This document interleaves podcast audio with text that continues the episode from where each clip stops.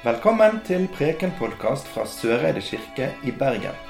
Her er søndagens preken.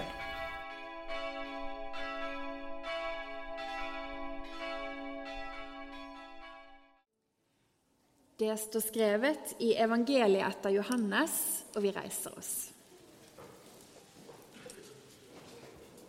Jeg har åpenbart ditt navn for de mennesker du ga meg fra verden. De var dine, og du ga meg dem, og de har holdt fast på ditt ord. Nå vet de at alt som du har gitt meg, er fra deg. For jeg har gitt dem de ord du ga meg, og de har tatt imot dem. Nå vet de i sannhet at jeg er gått ut fra deg, og de har trodd at du har sendt meg. Jeg ber for dem.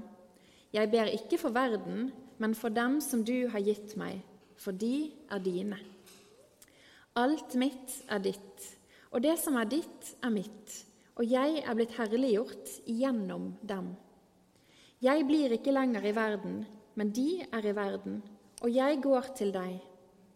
Hellige Far, bevar dem i ditt navn, det navnet du har gitt meg, så de kan være ett, slik som vi er ett. Slik står det skrevet.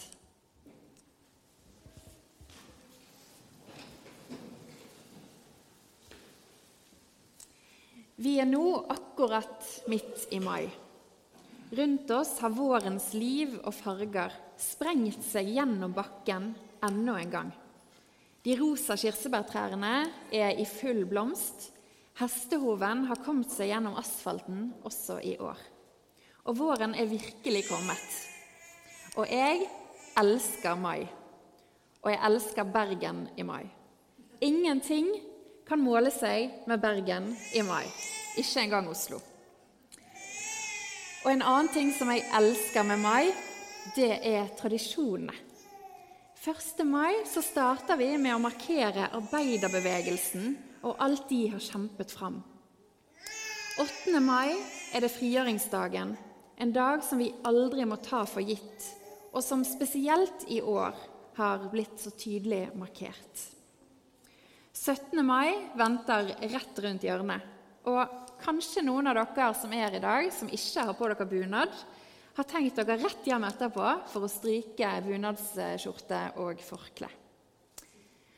Mai det er virkelig måneden for tradisjonene, og derfor også for overleveringen av disse. For det kommer ikke av seg sjøl. I dag er det en stor dag i kirken vår. Tuva og Noel de er blitt døpt. Og når foreldre og faddere har sagt ja til at de skal bli døpt, så har de òg sagt, ja, sagt ja til at disse barna blir en del av kirkens tradisjon. Og tradisjonen vår bygger på den jødiske religionen. Der er overlevering en kjempeviktig nøkkel. Overlevering i form av å fortelle hvem vi er, og hvor vi kommer ifra hvem vi hører til. Overleveringen som handler om først å ta imot, for så å gi videre. Det er det som har skjedd i dag. Det er ganske stort. Det skjer et under i verden, sang vi. Og jeg syns det er en ganske god beskrivelse på hva det er som skjer. For det skjer et under i verden og i kirken når et menneske blir døpt. Underet er at Gud kommer den døpte helt nær. Så nær at Gud tar bolig i den.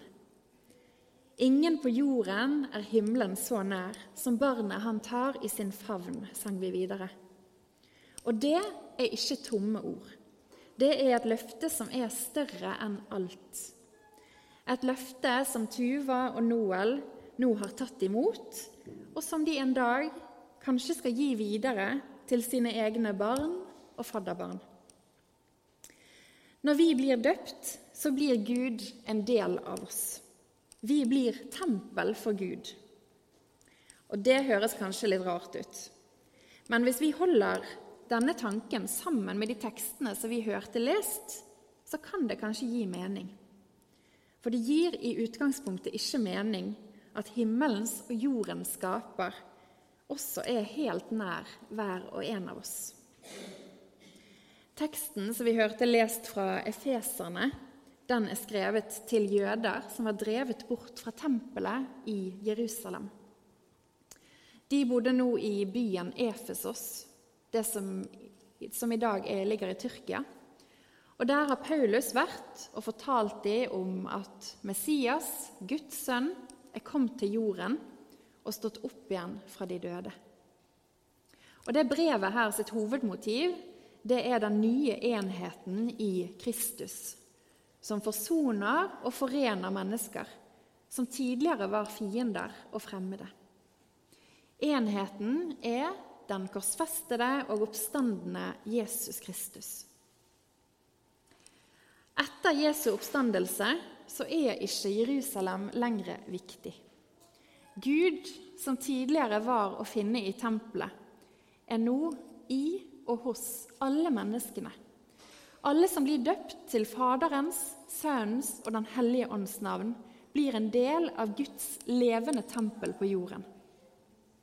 Jesus er hjørnesteinen i tempelet, som holder oss, alle Guds barn og Guds familie, i sammen.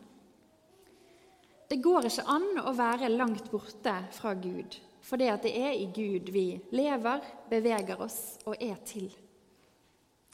Dette, folkens, dette er gode nyheter. For Gud, som tidligere var fryktet, er nå en som tar plass i oss. I oss. En som lever i oss, og som overleveres fra generasjon til generasjon.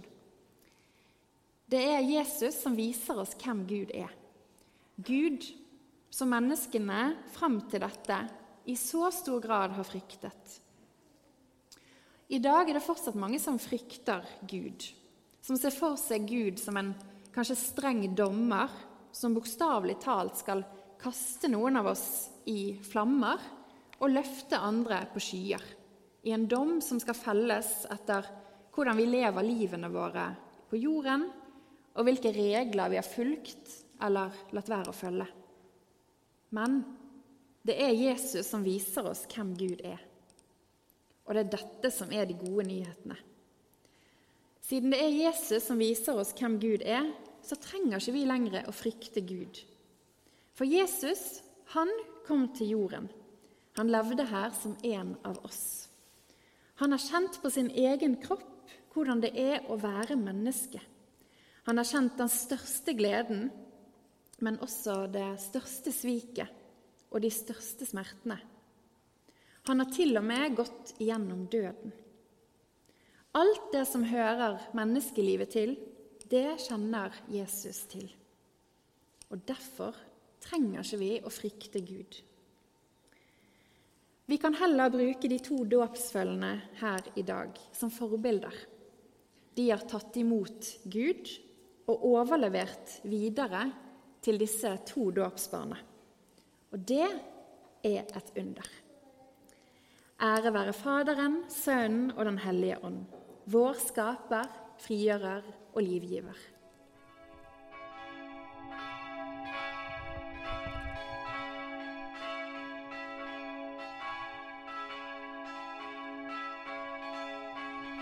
Du har nå hørt Preken-podkast fra Søreide kirke i Bergen. Følg oss gjerne på Facebook og Instagram, eller gå inn på vår nettside kirken.no soreide. Takk for at du hørte på.